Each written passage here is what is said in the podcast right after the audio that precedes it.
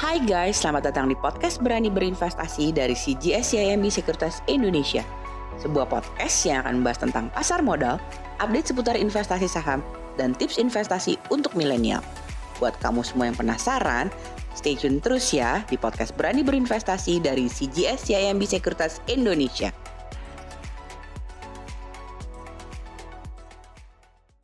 Halo teman-teman semua, apa kabar? Jumpa lagi nih kita di podcast Berani Berinvestasi bersama CGS CMB Sekuritas Indonesia. Apa kabar kalian semua yang mendengarkan podcast kita kali ini? Seperti biasa nih, kita berharap kalian semuanya mendengarkan podcast kita dalam keadaan sehat ya, karena masih ada pandemi, jadi kalian tentunya harus terus menjaga kesehatan. Nah, seperti biasa juga, di podcast kali ini kalian akan ditemani oleh kita berdua nih, siapa kalau bukan saya, Aditya Perdana, dan juga rekan saya, Fani Suherman. Saya sapa dulu ya. Hai Van, apa kabar Van? Hai Dit, baik-baik. Sehat ya? Sehat. Semoga kamu juga sehat dan baik-baik pastinya ya. Betul banget, karena kita masih ada pandemi ya Van ya. Jadi teman-teman semua tetap menjaga kesehatan itu penting dengan minum vitamin dan juga berolahraga, beraktivitas seadanya. Bisa di dalam tubuh. Podcast kali ini kita akan ngobrolin tentang apa sih teman-teman semua? Tentunya saya dan Fanny sudah memiliki tema khusus nih. Hmm. Tema yang menarik untuk kalian cermati dan juga kalian dengarkan. Van, kali ini Van, ini menarik banget ya kalau misalnya kita lihat perjalanan ISG nampaknya mulai kuat nih ya Van. Mm-mm. Nah, jadi kira-kira apa sih yang menopang ISG bisa break di atas 6.300? Karena kalau misalnya kita lihat nih, Van, tanggal 4 Oktober lalu, ISG sudah break di atas 6.300 kan. Apa sih yang menyebabkan ISG kita cukup kuat, Van? Nah, kalau kita lihat nih, Dit, dari saham-saham old economy ya, ini mulai outperform dari saham-saham new economy ya di September 2021, di mana ini adalah pertama kalinya nih untuk di tahun 2021 ini ya. Nah, sebelumnya kan Oke. kita bisa lihat nih, eh, apa sih saham-saham yang naik gitu ya. Nah, biasanya yang berhubungan dengan teknologi dan juga bank digital gitu ya sebelum-sebelumnya nih. Betul. Nah, belakangan justru sekarang nih gantian. Ibaratnya saham-saham yang bermarket cap besar, contohnya kayak BCA, BRI, Telkom, dan lain-lain. Nah, justru ini nih yang mulai naik nih, Dit. Oh, oke oke, menarik sih. Nah ini makanya Van. Alasannya mungkin karena ekspektasi ekonomi mulai pulih, orang jadi mulai kembali melirik mana nih yang kira-kira bisa naik atau kalau ekonominya naik ya. Benar, Dit. Jadi eh, kita tahu ya, sekarang kan kasus COVID makin terkendali gitu ya, walaupun Jakarta Oke. masih di PPKM level 3 gitu ya. Tapi misalkan bisa kita lihat di Blitar, ini sudah mulai dicoba eh, PPKM level 1 gitu ya. Dan juga mulai ada Oke. rencana untuk buka penerbangan internasional di Bali gitu. Nah, kalau kita Hmm. lihat eh, per 4 Oktober lalu aja nih, jadi kita mencatatkan kasus COVID itu sebesar 922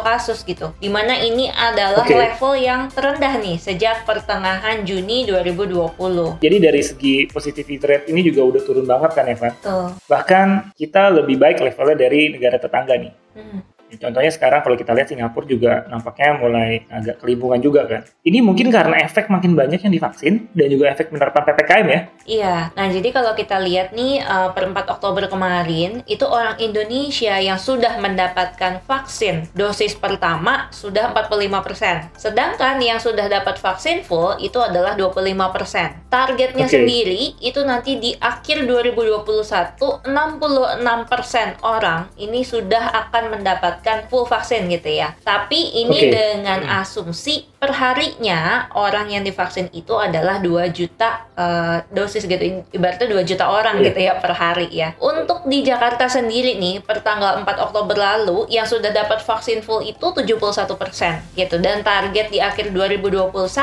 itu sekitar 85% sudah akan mendapatkan full vaksin Menarik ya, jadi bisa 14% lagi nih Van ya target sampai akhir tahun ya Van. Nah moga-moga memang semakin cepatnya herd immunity ini terbentuk, jadinya kasus COVID benar-benar bisa di terus ya Van, seperti saat ini nih. Nah next question nih Van, Eh, kalau memang kasus COVID-19 tetap rendah, bisa diartikan mobilitas akan naik dong. Dan ini yang membuat saham-saham yang sensitif dengan mobilitas itu naik. Dan ini yang udah pernah kita bahas juga ya beberapa waktu sebelumnya, bahwa ada potensi nih, rotasi ya sektor ke old economy. Pertanyaan selanjutnya nih Van, kalau di bulan September kemarin udah mulai naik, apa ini bisa berlanjut kenaikannya di bulan Oktober ini? sebenarnya bisa berlanjut atau enggak gitu ya. Jadi eh, salah Iya. satu yang yang mencerminkan masih uh, akan naik atau enggaknya itu bisa lihat dari uh, posisi asing inflow atau outflow gitu ya. Nah, karena okay. biasanya nih kalau misalkan uh, ada inflow asing gitu ya, mereka pastinya akan masuk ke saham-saham yang punya uh,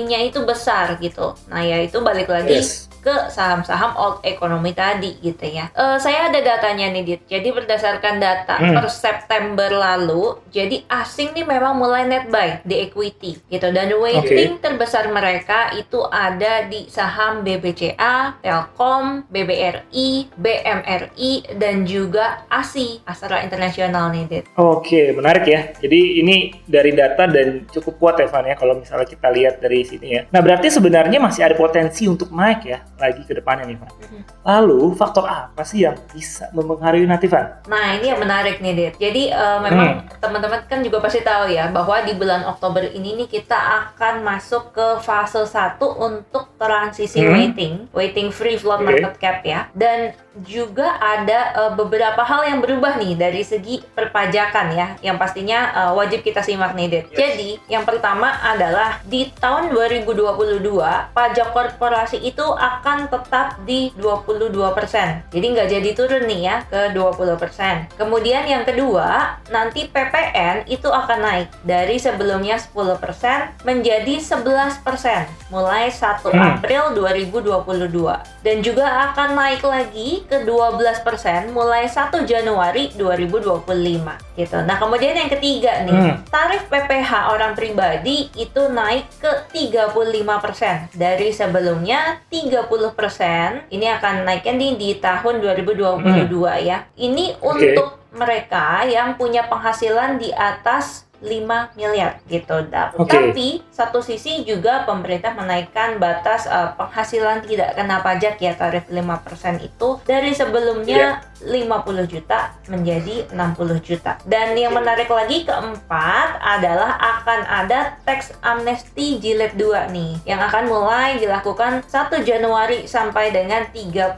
Juni 2022. Dan yang kelima terakhir okay. adalah uh, akan adanya pengenaan pajak pajak karbon ya dengan tarif Rp30 per kilogram. Dan uh, hmm. hal-hal tadi nih yang uh, sudah disebutkan gitu ya, ini sebenarnya menimbulkan resiko kenaikan inflasi gitu dan juga pemulihan uh, konsumsi berpotensi akan lebih rendah gitu ya. Cuman di sisi Betul. lain ini memang bisa meningkatkan pendapatan pajak negara di. Yang menarik sebenarnya tadi oh, ini mention mengenai PPH orang pribadi nih. Hmm pasti teman-teman yang sedang mendengar podcast kita mulai deg juga nih Van ya di tahun depan nih ya. Hmm. Oke, okay, I see, I see. Nah, sekarang nih Van yang menarik adalah efeknya ke forecast. Earning seperti apa nih Van? Nah, kalau dari segi pajak korporasi nggak diturunkan gitu ya di tahun depan, okay, nah ini yeah. nih mengkat earning sekitar 3% di tahun 2022. Hmm. Dan juga ada potensi uh, kerugian lebih lanjut gitu ya dari adanya pelemahan hmm. konsumsi okay. gitu. Nah, cuma kalau dilihat dari segi potensi kenaikan uh, pendapatan negara ke depan gitu ya, semoga resikonya ini ibaratnya bisa tercover seperti itu, Dit. Jadi benar-benar kalau misalnya resiko tertutup maka kenaikan saham-saham ini ibaratnya masih bisa terus continue ya Van ya ke depan ya. Mm-hmm. Tentunya ini menarik banget nih Van. Boleh nggak dibahas lagi? Saham apa sih Van yang kita anggap menarik dan masih boleh diperhatikan ke depannya Van? Pasti teman-teman juga udah gue nih Van. Dan uh, kalau kita lihat nih saham mana sih sebetulnya yang masih lagar gitu ya atau masih cukup murah dan uh, berkaitan nih dengan uh, saham-saham yang sensitif dengan mobilitas gitu ya. Itu ada yes. GGRM, kemudian ada PZZA, Pawon, BSDE, CTRA, Jasa Marga, Bird, SMGR, Pegas, dan juga BBRI. Menarik banget nih Van, insight-nya untuk kali ini Van. Jadi ternyata banyak banget ya hal-hal yang bisa kita perhatikan ke depannya, apalagi di tahun 2022 tadi, tadi yang sudah Fanny singgung, mm-hmm. ini banyak banget hal-hal yang bisa merubah arah market ke depannya. Nah, buat teman-teman semua, itu dulu podcast Berani Berinvestasi kita kali ini saya dan juga Fani Soreman, tim Retail Analis CGS CMB Sekuritas Indonesia. Bagaimana? Menarik kan? Insightnya banyak banget yang bisa kalian dengarkan dan juga kalian ikuti. Makanya dengerin terus podcast berani investasi bersama CGS CMB Sekuritas Indonesia. Jika kalian sedang waktu lenggang malam hari, diulang-ulang nggak apa-apa. Yang penting kalian akan tetap ingat terus. Oke, okay, thank you Van atas waktunya. Coba lagi kita lagi di podcast berikutnya. See you teman-teman, bye. Ya, bye-bye.